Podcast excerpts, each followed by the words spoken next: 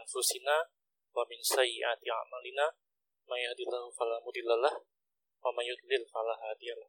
Asyhadu an la ilaha illallah wa asyhadu anna rasulullah Para pendengar sekalian, kembali lagi di tausiah online Kibar. Tema talk Kibar kali ini di bulan Maret adalah menelad, uh, akidah seorang muslim meneladani sikap Abu Bakar Ashidik radhiyallahu anhu terhadap uh, peristiwa Isra Miraj. Mungkin sebagian kita sudah pernah mendengar kisahnya ya, bagaimana Abu Bakar langsung menerima bahwa kisah uh, peristiwa tersebut adalah benar dan dari situlah Abu Bakar radhiyallahu anhu mendapatkan gelar As-Siddiq.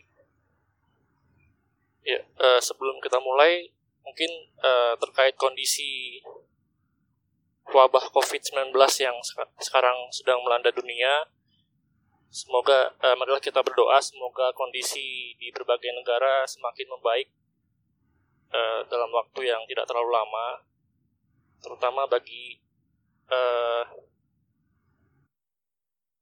negara kita Indonesia ya yang mungkin keluarga kita yang uh, sedang berada di luar negeri ini masyarakat Indonesia yang sedang berada di luar negeri ini keluarganya masih di Indonesia dan mungkin informasi yang tersampaikan di Indonesia lebih uh, banyak simpang siurnya daripada yang uh, benarnya gitu ya. Dan kita juga selalu berkabar dengan keluarga kita di Indonesia tentang kondisi kita di UK maupun di negara lain di Eropa uh, tentang bagaimana kondisi isolasi di sini ya. Semoga uh, jamaah sekalian juga dalam kondisi sehat walafiat dan keluarga kita semua di Indonesia maupun di uh, eh, UK atau di Eropa juga dalam kondisi sehat walafiat dan kondisi ini segera bisa membaik dan aktivitas kita di kampus di pekerjaan uh, cari nafkah sehari-hari bisa berjalan normal kembali. Nah kali ini tadi sudah saya sampaikan bahwa temanya terkait dengan akidah seorang muslim meneladani sikap Abu Bakar radhiyallahu anhu uh, tentang peristiwa Isra Mi'raj. Pemateri kita uh, siang hari ini adalah Ustadz Hartanto Saryono. Ustadz Hartanto Saryono merupakan ketua Yayasan Rumah Tajwid Indonesia. Beliau uh, lahir di Wonogiri, Jawa Tengah dan sekarang berdomisili di Depok, uh, Jawa Barat. Selain menjadi ketua Yayasan Rumah Tajwid Indonesia, beliau juga uh, adalah Dewan Pembina Yayasan Khairun Nas Bengkulu. Dan uh, aktivitas beliau di dakwah sudah sangat banyak ya pengalaman dakwah mulai dari menjadi staf pengajar uh, Direktur Pusat Pendidikan Al-Quran, dan lain-lain. Uh, pendidikan terakhir beliau adalah uh, eh, S2 di Al-Iman University, Yaman, Sana'a. Dan saat ini uh, beliau selain mengisi kajian online ya di uh, Kibar saat ini atau di beberapa pengajian di Jerman, juga biasanya Ramadan punya program uh, safari dakwah ke Jerman. Jadi uh, mungkin kalau kondisi membaik tahun depan itu mungkin kibar bisa juga untuk mempertimbangkan atau lokality di UK bisa untuk mempertimbangkan mengundang di uh, beliau sebagai ustadz safari dakwah di UK. Nah, untuk tidak memperpanjang mukadimah lagi uh, saya persilakan Ustadz untuk menyampaikan materi selama kurang lebih setengah jam. Nanti setelah itu kita buka sesi tanya jawab kepada uh, para pendengar sekalian. Pendengar bisa eh, memberikan pertanyaan melalui link yang sudah disebarkan sebelumnya atau di kolom chat, di kolom komentar. Uh, kepada Ustadz Hartanto, waktu dan tempat kami persilakan. Bismillahirrahmanirrahim. Assalamualaikum warahmatullahi wabarakatuh. Waalaikumsalam warahmatullahi wabarakatuh. Alhamdulillahi rabbil alamin. Wassalatu wassalamu ala ashrafil anbiya'i wal mursalin. Sayyidina wa nabiyyina Muhammadin wa ala alihi wa sahbihi wa man sara ala nahjihi ila yaumiddin. وبعد فاللهم علمنا ما ينفعنا وانفعنا بما علمتنا وزدنا علما تنفعنا به يا رب العالمين. وصلى الله وسلم وبارك على نبينا محمد وعلى آله وصحبه أجمعين. والحمد لله رب العالمين. Para pendengar kajian kibar yang dimuliakan Allah Subhanahu wa taala, alhamdulillah di hari ini Ahad 22 Maret 2020 bertepatan dengan 27 Rajab 1441 Hijriah. Allah Subhanahu wa taala izinkan kita untuk sama-sama hadir di kajian online ini. Semoga Allah Subhanahu wa taala karuniakan ilmu yang barokah dan bermanfaat kepada kita semuanya dan semoga Allah Subhanahu wa taala karuniakan kesehatan lahir dan batin yang sempurna kepada kita semuanya, juga keluarga kita dan kaum muslimin. Kita sampaikan pula salawat dan salam untuk Rasulullah Muhammad sallallahu alaihi wasallam, keluarga beliau, sahabat-sahabat beliau serta pengikut beliau hingga yaumil qiyamah. Para pendengar yang dimuliakan Allah Subhanahu wa taala, hari-hari ini kita sedang tersibukkan dengan satu hal yang tentu merupakan takdir ketentuan dari Allah Subhanahu wa taala yang kita alami saat ini yaitu wabah COVID-19. Dengan harapan semoga Allah Subhanahu wa taala segera menghilangkannya dan menjauhkan kita, kita kaum muslimin semuanya dari terjangkit wabah COVID-19 ini. Dan semoga Allah Subhanahu wa taala jaga kita selalu dalam keadaan sehat walafiat.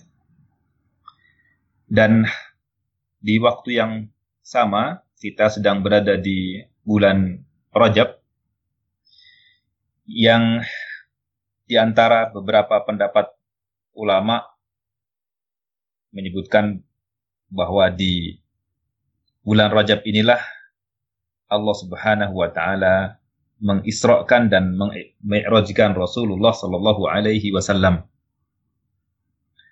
Dan tentu ada baiknya kita mencoba mengkaji lebih dalam lagi dan mengambil hikmah dari perjalanan Isra dan Mi'raj Rasulullah Sallallahu Alaihi Wasallam.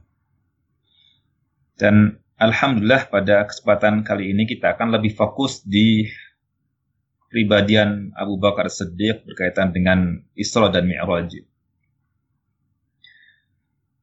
Dan tentu banyak sekali pelajaran yang bisa kita ambil, banyak hikmah yang bisa kita petik dari peristiwa Isra dan Mi'raj dan mungkin dan bahkan mungkin dalam banyak kesempatan kita ada kajian yang membahas tentang peristiwa Isra dan Mi'raj tersebut. Bahkan mungkin sampai detail-detail hadis-hadisnya pun disebutkan, bahkan mungkin kita ingat bagaimana peristiwa ini dan bagaimana perjalanan Rasulullah Shallallahu Alaihi Wasallam diisrakan dan dimi'rajkan oleh Allah Subhanahu Wa Taala. Dasar hukum dalil yang menyebutkan tentang bahwa Rasulullah Shallallahu Alaihi Wasallam diisrakan oleh Allah Subhanahu Wa Taala adalah permulaan surah Al-Isra. Subhanalladzi asra bi'abdihi laylan minal masjidil haram ilal masjidil aqsa alladzi barakna hawlahu linuriyahu min ayatina innahu huwas sami'ul basir.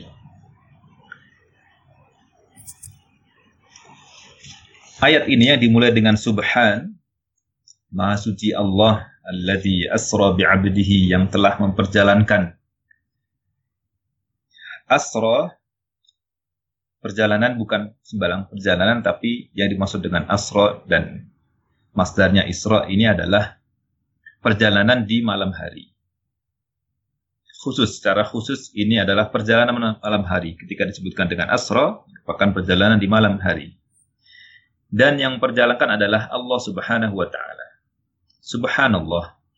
Dan Allah Subhanahu wa taala sebutkan dengan subhan di mana tasbih mensucikan Allah Subhanahu wa taala dari berbagai kekurangan dan menisbatkan segala kesempurnaan kepadanya menjadi pembuka di uh, surah ini dan tasbih yang hendaknya kita selalu lantunkan Allah Subhanahu wa taala ungkapkan dalam Al-Qur'an dengan berbagai bentuk katanya.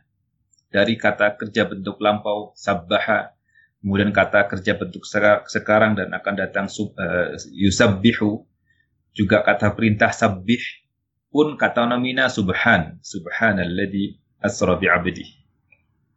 Dan ketika Allah Subhanahu wa taala menyebutkan bi'abdihi, memperjalankan hambanya, hamba ketika penghambaan hanya kepada Allah Subhanahu wa taala sesungguhnya ini adalah posisi yang paling tinggi, kedudukan yang paling mulia.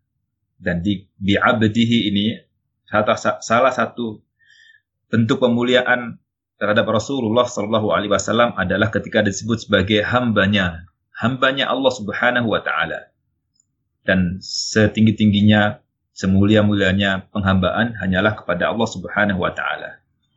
Dan kemuliaan yang lainnya yang Allah Subhanahu wa taala ungkapkan di kata abdihi adalah ketika Allah Subhanahu wa taala menyandingkan dirinya abdihi hambanya ini nyanya kata ganti ini dengan Rasulullah Shallallahu alaihi wasallam dengan hambanya Abd Abdullah Rasulullah Shallallahu alaihi wasallam. Subhanalladzi asra bi'abdihi lailam minal masjidil harami ilal masjidil aqsa. Allah memperjalankan di malam hari dari uh, pada suatu malam uh, minal masjidil haram ilal masjidil aqsa dari masjidil haram ke masjid al aqsa ke al masjidil haram dari al masjidil haram ke al masjidil aqsa yang biasa dalam perjalanan darat. Manusia pada masa itu perlu perjalanan uh, perlu waktu tempuh sekitar 30 hari satu satu bulan perjalanan berangkat dan satu bulan perjalanan pulangnya. Yang kalau kita ukur tidak kurang dari 1.600 km jarak dari Al-Masjidil Haram ke Al-Masjidil Aqsa. Salah satu jalur darat yang mungkin akan disempuh sekitar kurang lebih itu 1.500 km atau lebih dari itu. Tentu ini jarak yang tidak pendek Tambah lagi nanti ada uh, mi'rajnya setelah Allah Subhanahu wa taala memperjalankan Rasulullah sallallahu alaihi wasallam ke Al-Masjidil Aqsa bahkan di sana Rasulullah sallallahu alaihi wasallam menjadi imam salat yang makmumnya adalah para nabi di Masjidil Aqsa dan lalu Allah Subhanahu wa taala pun memperjalankan kembali yang namanya Mi'raj. Mi'raj ya, artinya dibawa naik melalui tingkatan-tingkatan sebagaimana disebutkan dalam hadis melewati langit pertama, kedua, dan seterusnya, dipertemukan dengan para nabi yang berada di masing-masing langit di sana. Ada nabi, ya, sekarang nabi Adam, kemudian nabi eh, Zakaria dan Isa, kemudian dan seterusnya sampai ke Nabi Ibrahim alaihissalam pada langit ketujuh sampai ke Sidratul Muntaha. Perjalanan yang sangat jauh dan Ya, ini namanya mukjizat. Mukjizat satu karunia yang Allah Subhanahu wa taala berikan kepada para nabi di luar kebiasaan normal yang bisa dilakukan oleh manusia biasa, keluar dari kebiasaan normal sehari-hari dan menjadi bukti akan kenabian para nabi. Dan Rasulullah Shallallahu alaihi wasallam karuniakan ini.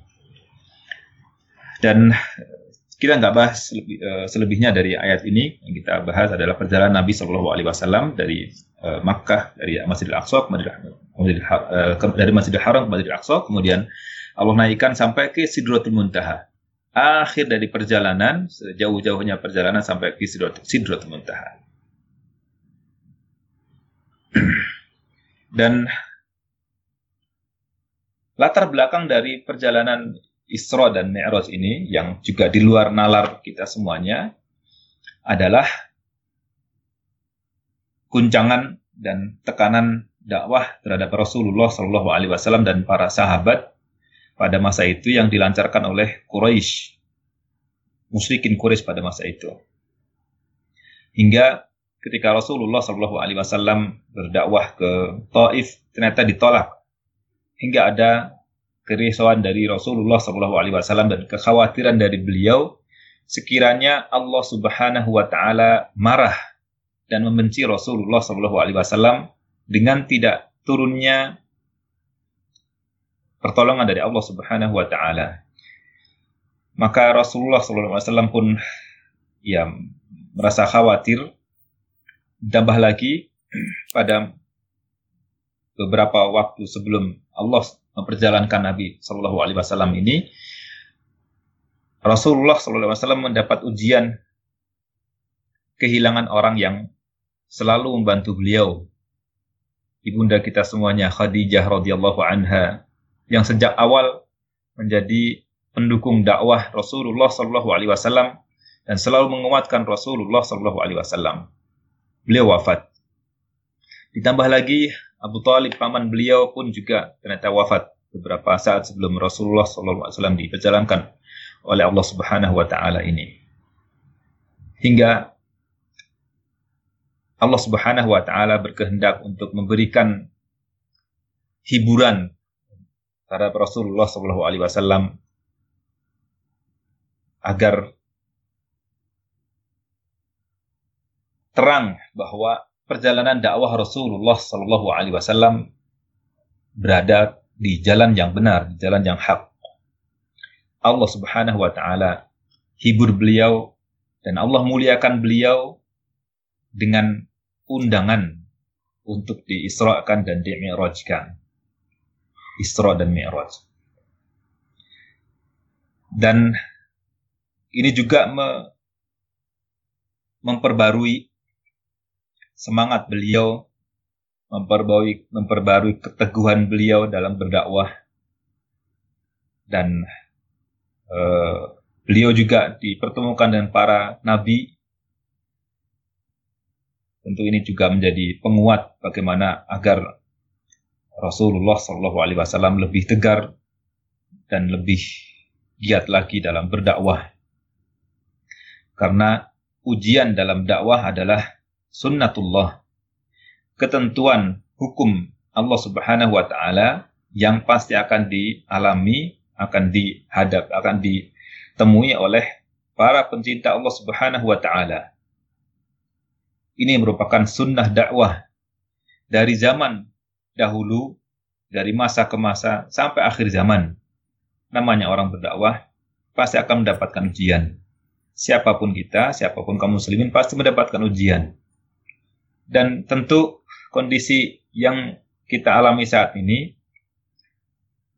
mudah-mudahan juga merupakan ujian buat kita semuanya. Tapi di sisi yang lain, sebagaimana sikap Rasulullah Shallallahu Alaihi Wasallam yang merasa khawatir sekiranya Allah Subhanahu Wa Taala marah terhadap dirinya, Shallallahu Alaihi Wasallam, kita pun hendaknya juga menanamkan pada diri kita, jangan-jangan Allah marah kepada kita. Tapi tentu kita tidak berharap tidak berharap akan hal itu. Tapi hendaknya kita juga merasa khawatir agar kita berharap ampunan dari Allah Subhanahu wa taala, berharap ridha Allah Subhanahu wa taala, berharap ridha Allah dan rahmat Allah Subhanahu wa taala. Maka dengan pengakuan kita kepada Allah Subhanahu wa taala akan banyaknya kekurangan yang kita miliki dan kelemahan yang kita miliki serta kekurangan-kekurangan lain dalam ketaatan kepada Allah Subhanahu wa taala, juga banyaknya maksiat kita kepada Allah Subhanahu wa taala, dengan pengakuan tulus mudah-mudahan Allah Subhanahu wa taala berkenan menghilangkan dan melenyapkan serta menjauhkan kita semua dari berbagai ujian dari berbagai penyakit dan kejahatan serta keburukan. Amin ya rabbal alamin. Dan berbicara tentang masalah Isra dan Mi'raj, kapan Allah Subhanahu wa taala e, karuniakan ini, kapan peristiwa Isra dan Mi'raj ini? Pastinya di suatu malam dan hanya satu malam saja. Bahkan disebutkan dalam riwayat tempat tidur Rasulullah Shallallahu alaihi wasallam masih hangat karena beliau berangkat di malam itu dan kembali sebelum waktu subuh tiba. Jika difikir dengan nalar logika manusia yang tidak beriman tentu sulit mempercayai ini. Tetapi dengan perjalanannya waktu, perjalanan waktu, maka akan tersingkap bagaimana kebenaran dan kemungkinan perjalanan ini. Dan peristiwa Isra dan Mi'raj ini merupakan ujian juga, ujian juga buat kaum muslimin yang ada pada masa itu dan juga ujian buat kita semua saat ini. Ujiannya apa? Ujiannya apakah mereka membenarkan berita yang Rasulullah Shallallahu Alaihi Wasallam sampaikan? Apakah mereka membenarkan mukjizat yang Allah berikan kepada Rasulullah Shallallahu Alaihi Wasallam? Ya, ini juga merupakan ujian berat buat mereka dan tentu ujian juga buat kita bagaimana keimanan kita.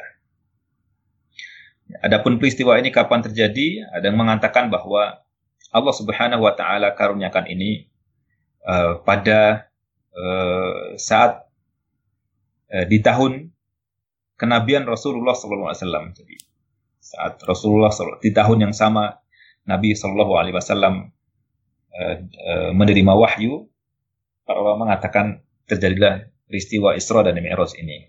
Ada juga yang berpendapat terjadi uh, di tahun kelima kenabian beliau Shallallahu Alaihi Wasallam dan ada pendapat yang ketiga mengatakan bahwa ini terjadi pada malam ke-27 dari bulan Rajab tahun ke-10 kenabian Sallallahu alaihi wasallam. Dan ada pendapat yang lainnya lagi, ada enam pendapat kurang lebih. Namun pendapat yang uh, kuat adalah tiga pendapat ini dan uh, sebagian besar kita mengetahuinya, mengenalnya terjadi pada tanggal 27 Rajab dan ini terjadi di tahun 10 kenabian Rasulullah Shallallahu Alaihi Wasallam. Uh, ya tadi di awal saya, katakan bahwa peristiwa ini terjadi setelah uh, Khadijah radhiyallahu anha wafat. Para pendengar yang dimuliakan Allah Subhanahu wa taala, sepulang Nabi Shallallahu alaihi wasallam dari Eh, perjalanan Isra dan Mi'raj sampai ke Makkah lagi. Maka pagi harinya Rasulullah Shallallahu Alaihi Wasallam pun yatahaddatsun nasu bidzalik. Rasulullah Shallallahu Alaihi Wasallam mengisahkan, menceritakan apa yang terjadi di malam hari itu. Dan fartadda nasun faman kana amanu bihi wa Ya, maka uh, ada orang-orang yang semula beriman pun ternyata menjadi murtad. Jadi tadi udah beriman pada Rasulullah sudah masuk Islam sudah sebagai kaum orang yang beriman tapi ternyata dengan peristiwa ini justru murtad. Dan sebagian yang lain membenarkan peristiwa ini. Dan eh, ketika Quraisy mendengar ini dan juga pembesarnya Abu Jahal mendengar apa yang dikisahkan oleh Rasulullah Shallallahu Alaihi Wasallam, mereka tidak begitu tidak percaya begitu saja, tapi, tapi minta kepada Rasulullah Shallallahu Alaihi Wasallam untuk menjelaskan bagaimana Masjidil Aqsa, bagaimana tiangnya, berapa jumlah tiangnya dan seterusnya. Maka saat itulah Allah Subhanahu Wa Taala memperlihatkan kepada Rasulullah Shallallahu Alaihi Wasallam bagaimana Al-Aqsa di hadapan beliau dan beliau pun menceritakan bagaimana Al-Aqsa dan menjawab pertanyaan-pertanyaan Quraisy musyrikin Quraisy pada masa itu termasuk Abu Jahal yang menjadi uh, orang yang paling depan uh, tidak percaya kepada Isra dan Mi'raj Rasulullah Shallallahu Alaihi Wasallam. Ketika uh, mereka bertanya, latar belakangnya adalah mereka mengatakan kami sudah pernah ke Al-Aqsa dan kami sudah melihat bagaimana Al-Aqsa. Dan Nabi Shallallahu Alaihi Wasallam ketika ditanya, Nabi jawab dan ternyata jawabannya benar. Jawabannya benar, tetapi mereka mengatakan apa yang disampaikan adalah benar, tetapi peristiwanya tidak benar. Demikian kurang lebih kata-kata mereka, kata mereka. Mereka membenarkan apa yang Rasulullah Shallallahu Alaihi Wasallam sampaikan karena persis sama dengan yang mereka saksikan, mereka lihat di Masjid Aqsa.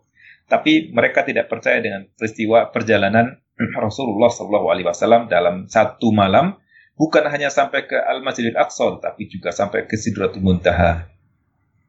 Dan yang bisa mempercayai ini adalah logika iman, logika akidah. Jika pakai logika akal saja, maka tidak bisa mempercayai ini. Dan ketika orang-orang bertanya kepada Abu Bakar Siddiq, mereka bertanya, "Hal laka ila sahibika yaz'umu annahu usriya bihi lailata ila Baitul Maqdis?" Ya. Bagaimana pendapatmu ketika temanmu mengklaim bahwa dia telah diperjalankan ke Baitul Maqdis satu malam saja dalam satu perjalanan dalam waktu satu malam? Ya. Lalu Abu Bakar Siddiq mengatakan awaqala dalik. Apakah dia mengatakan itu? Mereka mengatakan qalu na'am. Betul, Muhammad Shallallahu Alaihi Wasallam mengatakan itu. Maka Abu Bakar Siddiq mengatakan la in kana qala dzalika laqad sadaq. Ya, Abu Bakar mengatakan radhiyallahu anhu sekiranya dia mengatakan itu maka benarlah dia. Abu Bakar Siddiq langsung membenarkan apa yang disampaikan Rasulullah Shallallahu Alaihi Wasallam. Ya. Dan kemudian dia nanya lagi, apakah benar uh, kamu juga membenarkan apa yang disampaikan oleh Muhammad Shallallahu Alaihi Wasallam dia ke Baitul, Maq, uh, Baitul Maqdis terus kembali lagi pagi harinya? Dia mengatakan, naam. Abu Bakar mengatakan, ya, percaya. Ya. Bahkan dia mengatakan, ini la usaddiquhu fima huwa ab'adu min dhalik. Sungguhnya aku membenarkan Muhammad Shallallahu Alaihi Wasallam, Rasulullah Shallallahu Alaihi Wasallam, meskipun lebih jauh daripada itu.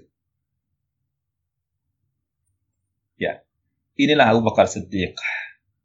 Falidzalika summiya Abu Bakrin As-Siddiq. Maka dengan itulah, dengan peristiwa itulah di antara bagaimana, bagaimana uh, Abu Bakar Siddiq membenarkan apa yang disampaikan Rasulullah SAW, maka digelari As-Siddiq yang berjiwa benar, jujur, tidak pernah berbohong, tidak pernah menyelisihi apa yang disampaikan oleh Rasulullah Shallallahu Alaihi Wasallam. Dan setiap kali Rasulullah Shallallahu Alaihi Wasallam menyampaikan berita kenabian, berita atau hadisnya atau juga ayat Al-Quran, Abu Bakar Siddiq tidak pernah meragukan, selalu membenarkan apa yang disampaikan oleh Rasulullah Shallallahu Alaihi Wasallam. Maka beliau digelari, digelari As-Siddiq tersebut. Dan kita kenal juga putri beliau Aisyah radhiyallahu anha juga dikenali as-siddiqah. Maka Nabi mengatakan bahwa ini adalah siddiqah binti siddiqah. Aisyah radhiyallahu anha adalah seorang wanita yang berjiwa jujur benar dan merupakan putri seorang as-siddiq yang berjiwa jujur dan benar. As-siddiq bukan sekedar jujur dan benar, tapi memang jiwa raganya selalu mengatakan kebenaran dan selalu jujur Beda antara sadiq dengan siddiq. Sadiq boleh jadi sesekali berlaku jujur dan benar. Tapi siddiq sama sekali tidak pernah bohong, sama sekali tidak berkata uh, dusta, dia selalu berkata jujur dan selalu membenarkan apa yang datang dari Rasulullah Shallallahu Alaihi Wasallam. Lalu siapakah yang kita sebut-sebut Abu Bakar Siddiq ini? Abu Bakar Siddiq bernama Abdullah bin Uthman bin Amir bin Amr bin Ka'b bin Sa'ad bin Taim bin Murrah bin Ka'b. Ibnu Lu'ay bin Ghalib Al-Qurashi At-Taimi. Beliau nasabnya bertemu dengan nasab Rasulullah Sallallahu Alaihi Wasallam pada kakeknya yang keenam yaitu Murrah bin Ka'b. Dan diberi gelar Abu uh, Abu Bakar. Ya dari kata Bikr yaitu uh, ya dari unta yang masih berusia belia. Dan kita kenal dengan nama Abu Bakar Siddiq. Ayahnya yaitu Utsman ibnu Amir ya digelari dengan Abu Kuhafah. Abu Kuhafah. Dan beliau masuk Islam di uh, saat Fathu Makkah. Ya, saat Fathu Makkah. Ibunya juga masuk Islam juga. Ibunya bernama Salma bin Sakhr. Dia masuk Islam sejak dini. ya, sejak dini bila masuk Islam. Maka uh, Abu Bakar Siddiq ini adalah orang yang paling mulia setelah Rasulullah Shallallahu Alaihi Wasallam. Dan kalau kita baca banyak ayat yang memuji Abu Bakar Siddiq. Bahkan dalam ayat al insana biwalidayhi ihsana. Dan Allah mewasiatkan manusia untuk berbuat yang terbaik kepada kedua orang tuanya. Hamalathu ummuhu kurha wa wada'athu kurha wa hamluhu wa fisaluhu thalathuna syahra. Bagaimana ibu mengandung di, di surah Al-Ahqaf ayat ke-15 ya. Dan kemudian dia berdoa wa hamluhu wa fisaluhu 30 syahra hatta idza balagha ashuddahu wa balagha 40 sanatan qala rabbi awzi'ni an ashkura ni'mataka allati an'amta alayya wa ala walidayya wa an a'mala salihan tardahu wa aslih li fi dhurriyyati inni tubtu ilaika wa inni minal muslimin di antara para mufassirin mengatakan bahwa laki-laki yang disebutkan ini adalah Abu Bakar Siddiq radhiyallahu anhu. Bagaimana tidak ketika dia mengatakan Rabbi auzi'ni an ashkura ni'mataka allati an'amta alayya wa ala walidayya wa an a'mala salihah. Dia mohon kepada Allah Subhanahu wa taala agar pandai bersyukur karena telah mengaruniakan yang mulia kepada kedua orang tuanya. Bahkan dia minta di keturunan berikutnya wa aslih li fi dzurriyyati Abu Bakar Siddiq radhiyallahu anhu memiliki kedua orang tua yang masuk Islam. Sahabi, sahabat Nabi sallallahu alaihi wasallam putra putri beliau juga semuanya adalah sahabat Nabi Shallallahu Alaihi Wasallam. Bahkan cucu-cucu beliau pun bertemu dengan Rasulullah SAW dan beriman. Mereka beriman semua. Jadi empat generasi mereka beriman pada risalah Rasulullah Sallallahu Alaihi Wasallam. Karunia besar yang Allah Subhanahu Wa Taala berikan kepada Abu Bakar Siddiq. Tentu tidaklah mudah untuk bisa menjadi pribadi seperti Abu Bakar Siddiq. Dan tentu kita ketahui bagaimana perjuangan beliau mendampingi Rasulullah Shallallahu Alaihi Wasallam serta kesetiaan beliau pada Rasulullah Shallallahu Alaihi Wasallam serta pengorbanan beliau untuk Islam bagaimana beliau memerdekakan budak-budak. Bahkan beliau bersedekah dengan seluruh kekayaan yang beliau miliki hingga Umar bin Khattab yang semula ingin mengalahkan Abu Bakar Siddiq dalam sedekah dia bertekad memberikan setengah kekayaannya, tapi ternyata Abu Bakar Siddiq sudah lebih dulu mensedekahkan, menginfakkan seluruh harta kekayaannya. Jika pagi hari Rasulullah SAW bertanya tentang suatu amal, suatu amal saleh, siapa yang telah melakukan? Abu Bakar Siddiq selalu menjawab, dia melakukan apa yang ditanyakan oleh Rasulullah SAW. Keimanan yang tulus yang dimiliki oleh Abu Bakar Siddiq hingga disebutlah sebagai sahib, digelari as-sahib. di surah Al-Taubah ayat 40 kita dapati illa tansuruhu faqad nasarahu Allah id akhrajahu alladhina kafaru thaniya ithnain id huma fil ghari id yaqulu li sahibihi id yaqulu li sahibihi la tahzan inna Allah ma'ana jadi maksud dengan sahabat di sini sahabatnya sahabat Rasulullah SAW adalah Abu Bakar Siddiq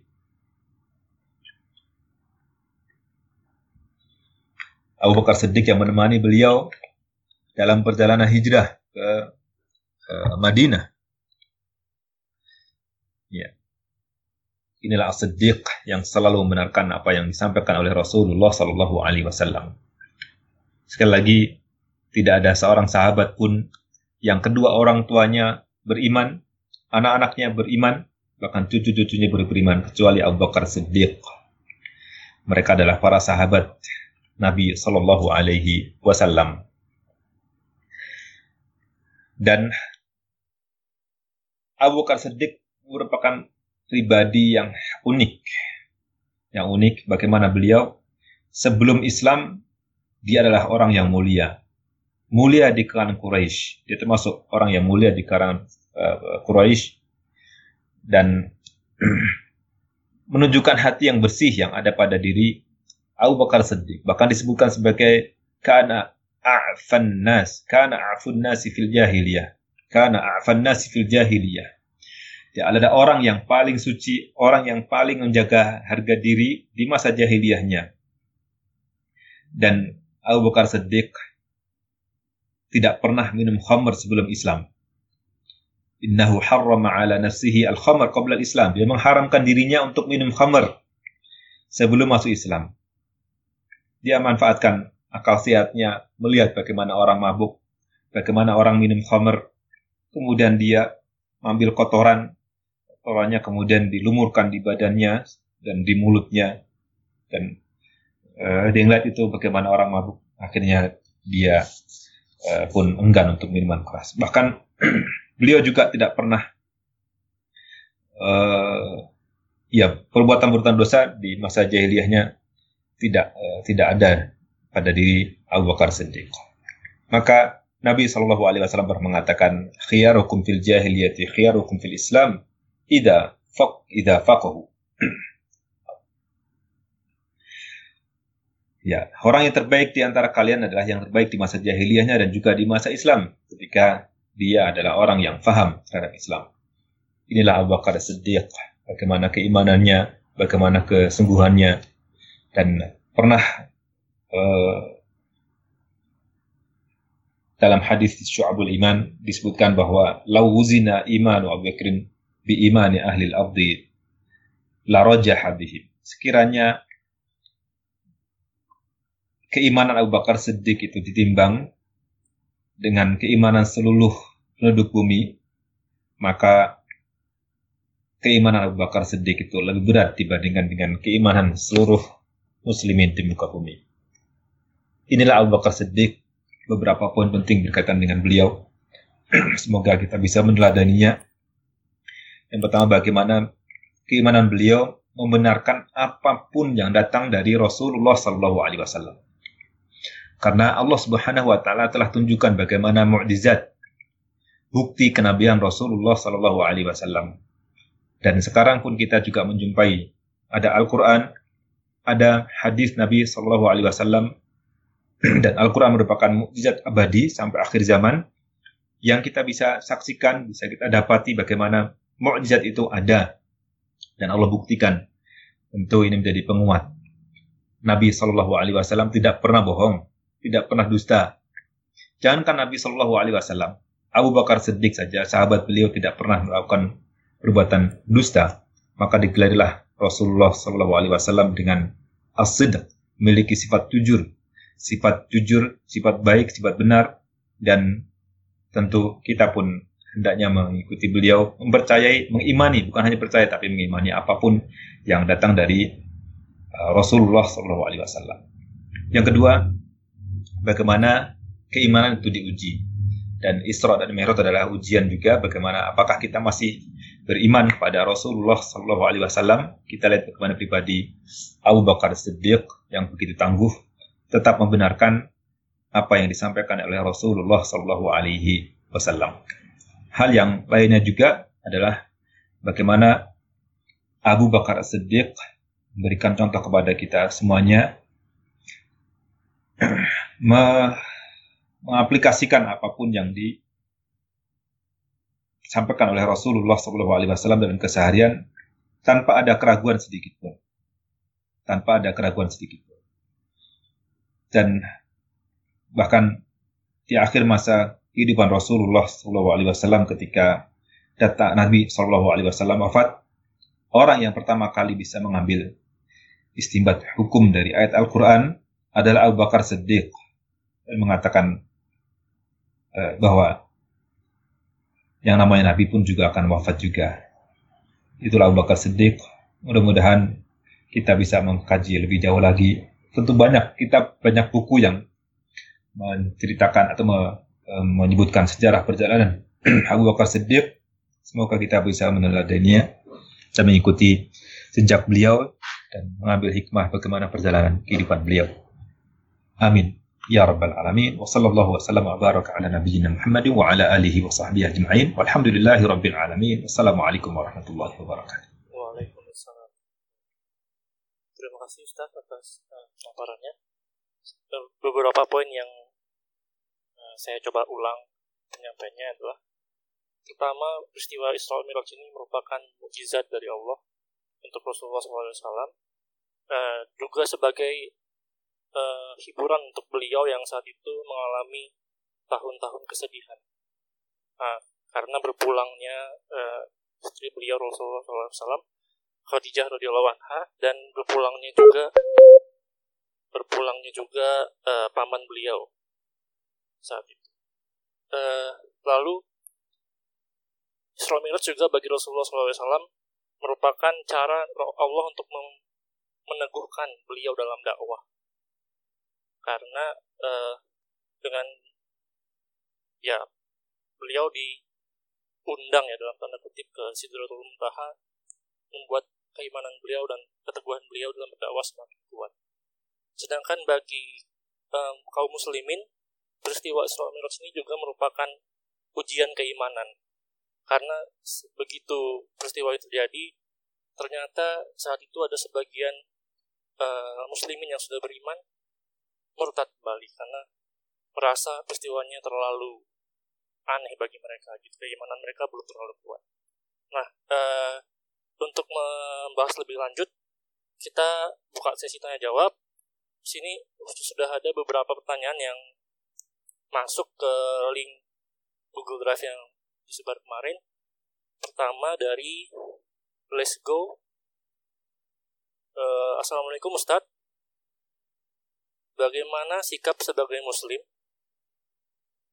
meneladani sikap Abu Bakar As-Siddiq radhiyallahu anhu yang langsung tanpa ragu mempercayai Isra Mi'raj Rasulullah untuk konteks zaman sekarang yang penuh fitnah, penuh abu-abu. Jazakumullah khair. Silakan Ustaz, mungkin satu pertanyaan dulu. Ya, baik. Hal yang pertama, semuanya, bagaimana kita bisa meneladani sikap Abu Bakar sedikit langsung percaya adalah menguatkan keimanan kita terlebih dahulu dan tentu eh, di antara eh, sarana atau cara kita menguatkan keimanan adalah memperdalam Al-Quran. Memperdalam Al-Quran dan saya pikir tidak perlu banyak ketemu mukjizat yang harus kita dapati, tapi satu saja dari yang kita dapati harusnya sudah menguatkan bagaimana kebenaran risalah Rasulullah Shallallahu Alaihi Wasallam. Tidak harus kita tahu berbagai mukjizat. Sederhana sajalah. Al-Quran adalah mukjizat abadi sampai akhir zaman. Tidak ada satu buku pun, tidak ada satu kitab pun di muka bumi yang orang membacanya secara terus-menerus tapi tidak bosan. Tidak usah, tidak usah jauh-jauh satu Al-Quran penuh lah. Surah Al-Fatihah saja surah Al-Fatihah kita ulang 17 kali minimal dalam sehari dan kita tidak bosan untuk membacanya. Selalu ingin baca dan selalu membacanya. Ini juga merupakan salah satu bukti mukjizat itu. Tentu banyak lagi mukjizat yang Allah Subhanahu wa taala uh, tanamkan dalam Al-Qur'an dan hendaknya kita bisa uh, menjadi menjadi penguat keimanan kita semuanya. Dan melalui itulah kita bisa menguatkan keimanan kita dan menerima apa pun yang datang dari Rasulullah Shallallahu Alaihi Wasallam tanpa taradud, tanpa ada keraguan sedikit pun. Uh, dan ya tentu sahabat yang lain juga demikian. Jangan sampai kita menjadi pengikut uh, Abu Jahal yang sudah tahu bahwa itu benar, tapi ternyata justru mangkir, memungkiri apa yang uh, diyakini benar tersebut. Dan tentu juga kita harus berlindung dari orang-orang munafikin sekelas uh, se, uh, ya seperti Abu uh, misalnya seperti Abdullah bin Ubay bin Salul yang dia hidup di tengah-tengah Rasulullah Shallallahu Alaihi Wasallam pun ternyata tidak juga mengimani uh, keberadaan Rasulullah Shallallahu Alaihi Wasallam. Jadi kita perkuat dengan memperdalam uh, kandungan Al-Quran. Hal yang kedua lagi juga kita belajar bagaimana syariah ini, bagaimana Islam ini dengan uh, sepenuhnya, dengan setulusnya dan yang lain lagi kita benar-benar mencari kebenaran kita bersihkan hati kita. Sebagaimana tadi Abu Bakar Siddiq dia bersihkan hati uh, hatinya. Dia benar-benar uh, tidak terpengaruh oleh uh, godaan-godaan yang lainnya. Dia murni mencari kebenaran. Bahkan perjalanan mencari kebenarannya pun juga sudah lama. Bukan bukan waktu itu saja. Bukan uh, bukan waktu Rasulullah SAW hadir diangkat menjadi nabi dia baru beriman apa baru mencari kebenaran, tapi dari sebelum-sebelumnya dia sudah mencari kebenaran. Dan maka ketika Rasulullah Shallallahu Alaihi Wasallam uh, diangkat menjadi nabi, langsung Abu Bakar Siddiq ini orang-orang orang pertama di luar keluarga Rasulullah Shallallahu Alaihi Wasallam yang beriman adalah Abu Bakar Siddiq. Dan Abu Bakar Siddiq ini hanya terpaut sekitar dua, uh, ya mungkin uh, dua, dua atau tiga tahun lebih tua dari Rasulullah Wasallam. Atau setelahnya ya setelah Nabi Shallallahu Alaihi Wasallam uh, lahir, lahirlah Abu Bakar Siddiq. Ya, uh, jadi uh, mempelajari uh, Islam ini juga menguatkan keimanan kita, uh, me, me, apa, supaya kita lebih yakin lagi. Hal yang lain juga, hendaknya kita uh, belajar perjalanan uh, para sahabat radhiyallahu anhum, bagaimana keteguhan mereka, bagaimana keyakinan mereka, uh, yang hendaknya itu menjadi penguat buat kita semuanya. Sudah ada contoh sebelum kita yang sudah wafat yang menjadi uh, penguat buat kita akan kebenaran risalah yang dibawa oleh Rasulullah SAW. Ada pesan ke kalangan para generasi awal kita dulu, kalau mau mencontoh, contohlah orang yang telah meninggal dunia, telah wafat. Mereka sudah berada, sudah jelas akhir hidupnya. Jangan contoh orang yang masih hidup, karena belum tahu bagaimana akhir hayatnya. Uh, belajar dari mereka. Hal yang lain lagi, dengan yang hidup, maka kita hendaknya selalu me, uh, bersama dengan eh, orang-orang uh, yang selalu memberikan semangat buat kita semuanya, meyakini akan kebenaran risalah Rasulullah SAW. Yang lain tidak kalah pentingnya adalah belajar bagaimana sirah perjalanan Abu Bakar Siddiq dari A sampai Z perjalanannya. Itu ada kitab, ada buku Eh, saya sangat salut dengan Dr. Uh, eh, Ali Salabi, Syekh saya, Ustadz saya, saya dulu belajar langsung dari beliau. Beliau menulis buku, banyak buku sejarah, di antaranya adalah tentang Abu Bakar Siddiq radhiyallahu anhu, ya, kepribadian beliau dan juga masa uh, hidup beliau. Ini bisa dibaca jadi rujukan untuk uh, bacaan sejarah perjalanan kehidupan Abu Bakar Siddiq. Demikian, wallahu a'lam pertanyaan berikutnya. Jadi semoga terjawab uh, uh, penanya ya. Pertanyaan berikutnya masih sedikit berkaitan dengan yang sebelumnya, tapi ada tambahan. Bisa tolong jelaskan Ustadz kembali mengenai logika akidah, iman, dan akal. Bagaimana contoh dalam menghadapi permasalahan di kehidupan zaman sekarang? Dan mungkin juga konteksnya sekarang bagi sebagian saintis gitu ya, yang misalnya biologis yang dekat dengan teori evolusi atau uh, fisikis fisikawan yang dekat dengan multiverse atau uh, from uh, nothing gitu ya to something yang big bang dari tiadaan jadi uh, ada dan tidak ada Tuhan dan segala macam itu yang kadang-kadang menggugah akal kita juga sehingga wah benar juga seperti itu Ustaz. Bagaimana hubungan antara logika akidah, iman dan akal ini? Ya. Betul, Allah Subhanahu wa taala telah memberikan stimulus stimulus kepada kita semuanya agar menggunakan akal kita, menggunakan pikiran kita, menggunakan uh, perangkat ilmu yang Allah kurniakan kepada kita untuk belajar bagaimana uh, Allah Subhanahu wa taala uh, tunjukkan ayat-ayatnya di muka bumi ini.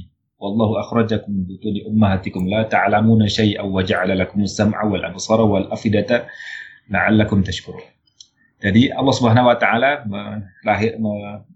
mengaruniakan pada kita semuanya pendengaran, penglihatan dan mata hati agar kita bisa mempelajari tanda-tanda kebesaran Allah Subhanahu wa taala di muka bumi, di jagat raya ini.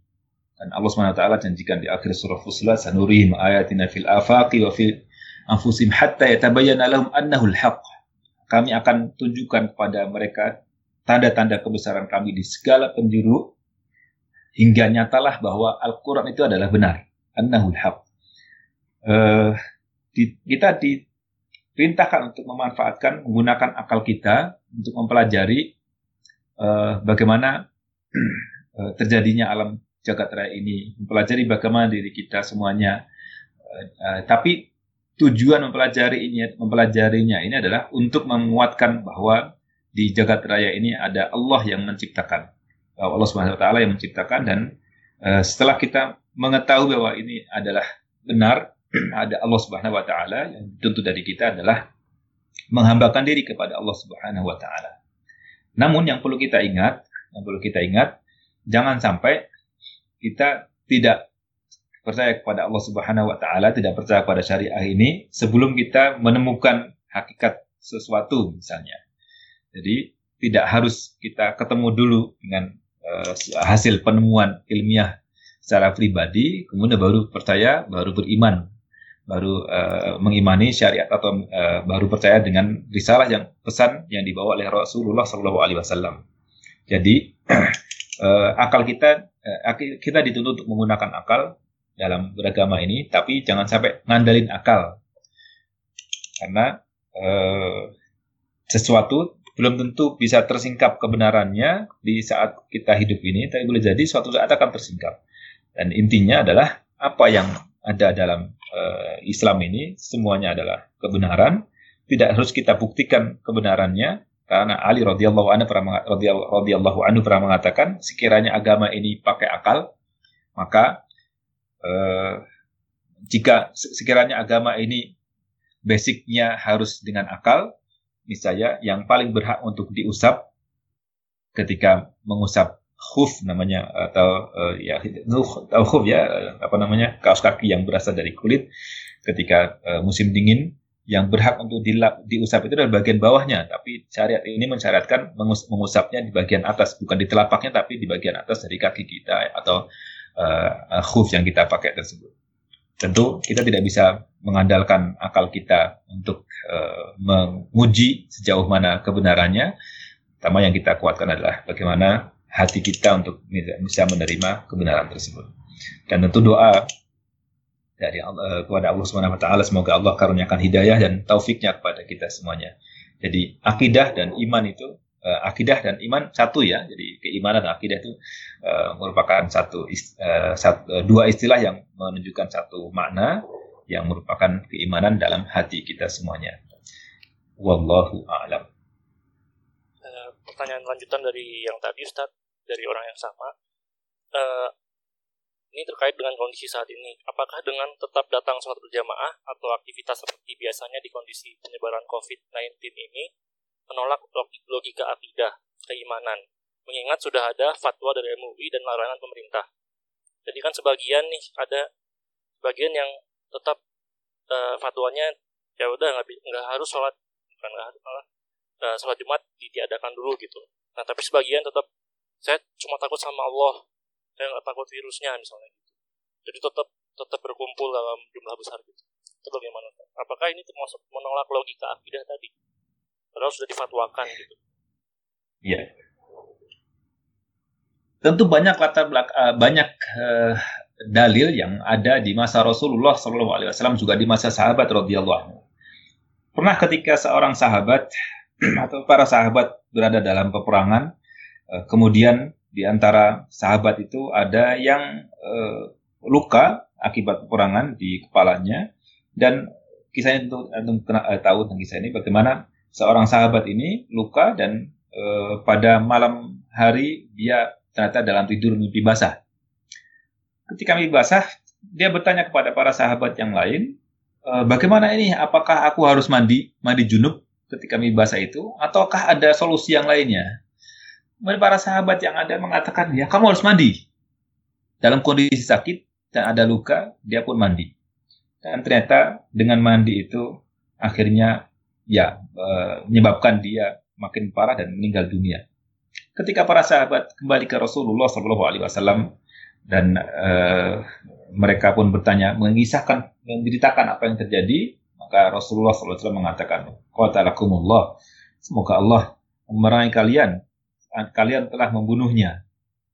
Secara tidak langsung membunuh sahabat yang tadi uh, melakukan uh, yang mandi, memaksakan diri untuk mandi uh, junub, karena difatwakan mandi junub. Padahal sesungguhnya tidak harus demikian. Jadi, semuanya ada ada hal yang e, sesuatu yang harus difahami bahwa ada kalanya ada kalanya e, kondisi tidak memungkinkan untuk melakukan itu karena ada madorot yang lebih besar lagi. Jadi dalam e, timbangan maslahat dan madorot ini dalam hukum syariah sangat diperhatikan sekali. Jadi uh, orang yang menjerumuskan diri kepada kebinasaan itu juga sama dengan bunuh diri juga. Jadi dalam kondisi sudah tahu nih, sudah tahu akibat dari eh, efek dari uh, COVID-19 ini misalnya, uh, terus kemudian dia ternyata masih uh, uh, apa, uh, me, ya memberanikan diri atau mungkin lantang saya hanya takut kepada Allah Subhanahu Wa Taala, kemudian dia uh, uh, apa namanya melanggar uh, hukum alam hukum alam ini berarti sama juga menentang Allah Subhanahu wa taala. Sudah jelas-jelas kan gitu. Jadi uh, ini dilarang dalam syariat syariat. Bukan itu yang di, diharapkan dari takut kepada Allah Subhanahu wa taala. Karena ada hal-hal yang menghalangi yang mengharuskan kita untuk menjaga diri supaya tidak uh, menyebarkan uh, virus lagi kepada orang lain dan ini sekiranya kita menjadi perantara untuk sampainya virus uh, kepada orang lain dan meninggal orang lain meninggal akibat kita kecerobohan kita, itu kita juga sama juga membunuh orang lain. Yang harus kita pahami bahwa uh, tidak harus ya bukan bukan bukan seperti itu caranya bukan bukan dengan saya hanya takut pada Allah Subhanahu Wa Taala nggak takut dengan virus ada hukum ada hukum alam yang selalu sejalan dengan hukum Allah Subhanahu Wa Taala tidak bisa uh, dengan cara itu ini namanya juga sama dengan bunuh, bunuh diri orang jelas-jelas ini bahaya gitu misalkan ya sama antum duduk di uh, rel kereta dan mengatakan saya takut kepada Allah Subhanahu wa taala. Nggak saya nggak takut dengan kereta, bunuh diri juga kan. Jadi uh, ada kalanya sesuatu uh, ya hukum alam ya hukum alam selalu sejalan dengan hukum agama ini. Jadi uh, tidak tidak boleh melawan hukum alam dan kemudian kita mengatakan hanya takut kepada Allah Subhanahu wa taala. Wallahu a'lam. Ada mungkin ini pertanyaan. Uh, satu lagi Ustaz. Sebelum terakhir ya. Dari Coventry di eh, UK apakah ada kaitannya hikmah perintah sholat saat Isra Miraj dan penghibur Rasulullah SAW saat di tahun duka sebagai umat Rasulullah ada ungkapan bahwa sholat sebagai sholat sebagai mihrajul mukminin. Apa ini maknanya mirip hiburan bagi mukmin? Ya, baik. Ya, uh, para ulama sepakat bahwa perintah sholat yang lima waktu, yang lima waktu ya, bukan ya, sebelumnya Rasulullah SAW melakukan sholat pagi dan sore hari. Itu sudah melakukan itu. Tapi untuk yang lima waktu, yang betul diterima oleh Rasulullah SAW ketika Mi'raj dan para ulama mengatakan bahwa sholat merupakan Mi'raj, Mi'raj orang uh, yang beriman. Jadi uh, tentu uh, ini hiburan buat kita semuanya. Harusnya, harusnya sholat itu merupakan penghibur kita semuanya. Maka Rasulullah Shallallahu Alaihi Wasallam mengatakan kepada uh, Bilal, ya Bilal alih nabi. Ketika memerintah meminta Bilal untuk uh, mengundangkan adzan, Rasulullah mengatakan, "Hai Bilal, istirahatkan kami dengan salat." Artinya dengan salat harusnya kita menjadi uh, ya jiwa kita jadi istirahat, kita bisa menikmati uh, salat tersebut dan uh, kita ya uh, jiwa kita melambung tinggi ke uh, dimensi akhirat dan membayangkan bagaimana uh, tingginya surga bayangkan bagaimana kemuliaan di surga itu dengan uh, sholat ini. Uh, hendaknya uh, sholat menjadi perantara kita untuk berdialog dengan Allah Subhanahu wa taala. Wallahu a'lam. Ustaz. Uh, mungkin satu pertanyaan terakhir bisa via link atau di kolom chat Mixler kalau ada.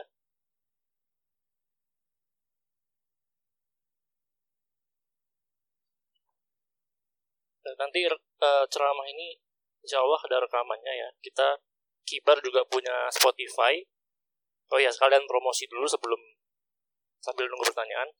Kibar punya Spotify yang kita akan update terus mungkin frekuensinya dua minggu sekali atau sebulan sekali uh, berisi ceramah-ceramah talk yang sebelumnya atau ceramah-ceramah keislaman uh, yang kita punya gitu kita upload di Spotify. Nama Spotify-nya sebentar saya cek. Selain Spotify kita juga punya akun Instagram. Silahkan di follow kibar uh, Instagram kibar.uk kibar.uk dan Facebook di like juga page uh, kibar. Spotify kibar. Nanti rekamannya setelah kami setelah kami bersihkan dan diedit kita bisa upload di pendengar sekalian bisa dengar lagi ceramahnya di radio Kibar Kibar Radio podcast di Spotify Kibar Radio ada sudah ada pertanyaan yang masuk oh. ya saya menambahkan apa yang ya. tadi saya sampaikan ya. bagaimana uh, orang yang uh, bila-bilain sholat, eh, nggak yeah. takut dengan virus, hanya takut pada Allah Subhanahu Wa Taala. Ini juga me menyelisihi pesan Rasulullah Shallallahu Alaihi Wasallam yang kalau sekiranya uh, ada taun wabah yang melanda suatu negeri, hendaknya dia yamkusu fi baitihi sabiran muhtasiban. Hendaknya seorang berdiam diri di rumahnya, bersabar dan berharap pahala dari Allah Subhanahu wa taala.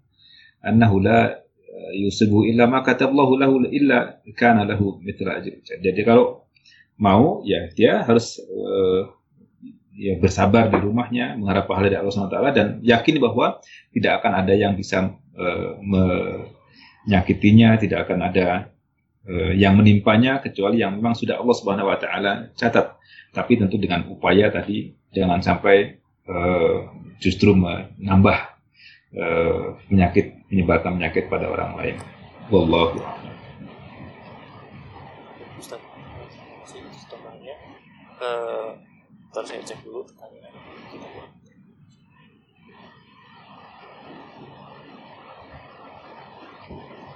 Intinya sudah cukup Ustaz, uh, ada pertanyaan yeah. lagi. Uh, mungkin sepatah dua patah kata untuk penutup uh, kajian ini terkait dengan uh, ya akhirnya kita mungkin bisa ditarik juga dengan kondisi uh, kekinian tadi. Silakan.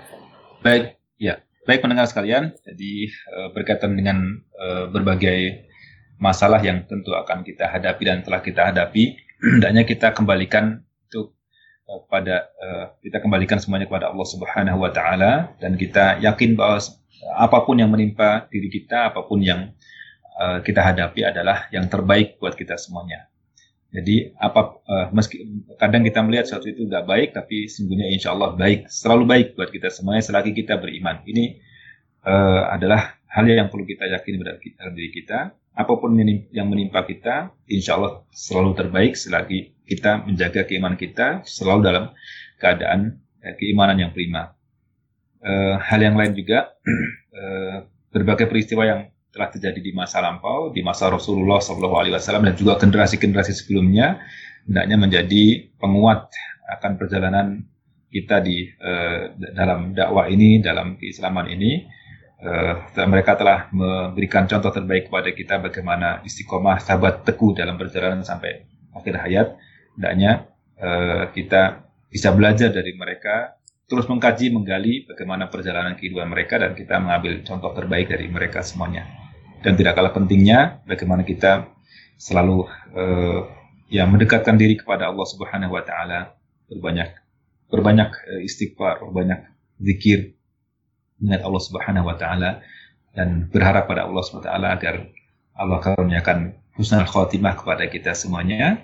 Dan tentu dalam hadis disebutkan uh, wabah yang menimpa uh, dunia uh, pada dasarnya bisa jadi adab bagi Allah orang yang Allah kehendaki dan juga jadi rahmat bagi orang beriman. Jadi tidak perlu uh, khawatir uh, semuanya selalu menjadi terbaik buat kita semuanya. Tetap menjaga diri agar tidak uh, sampai terjangkit, apalagi uh, menularkan penyakit kepada orang lain.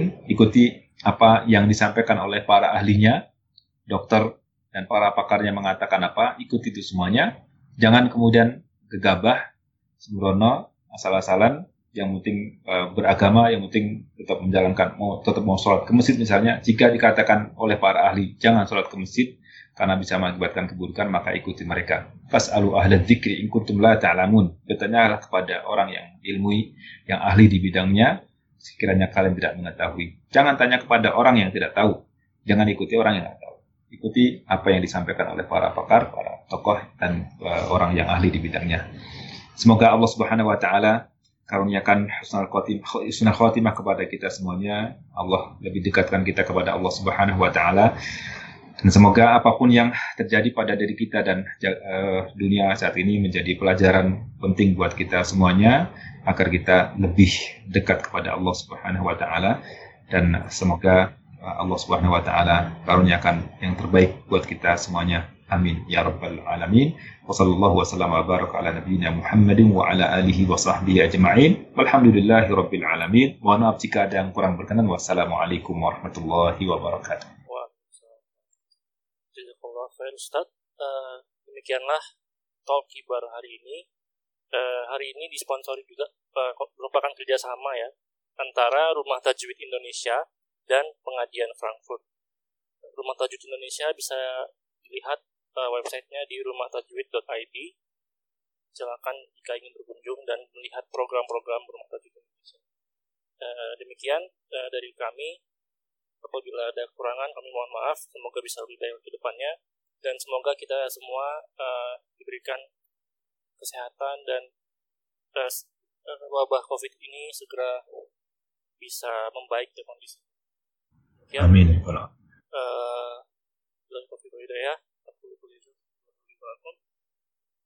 hidayah. Assalamualaikum warahmatullahi wabarakatuh. Waalaikumsalam warahmatullahi wabarakatuh.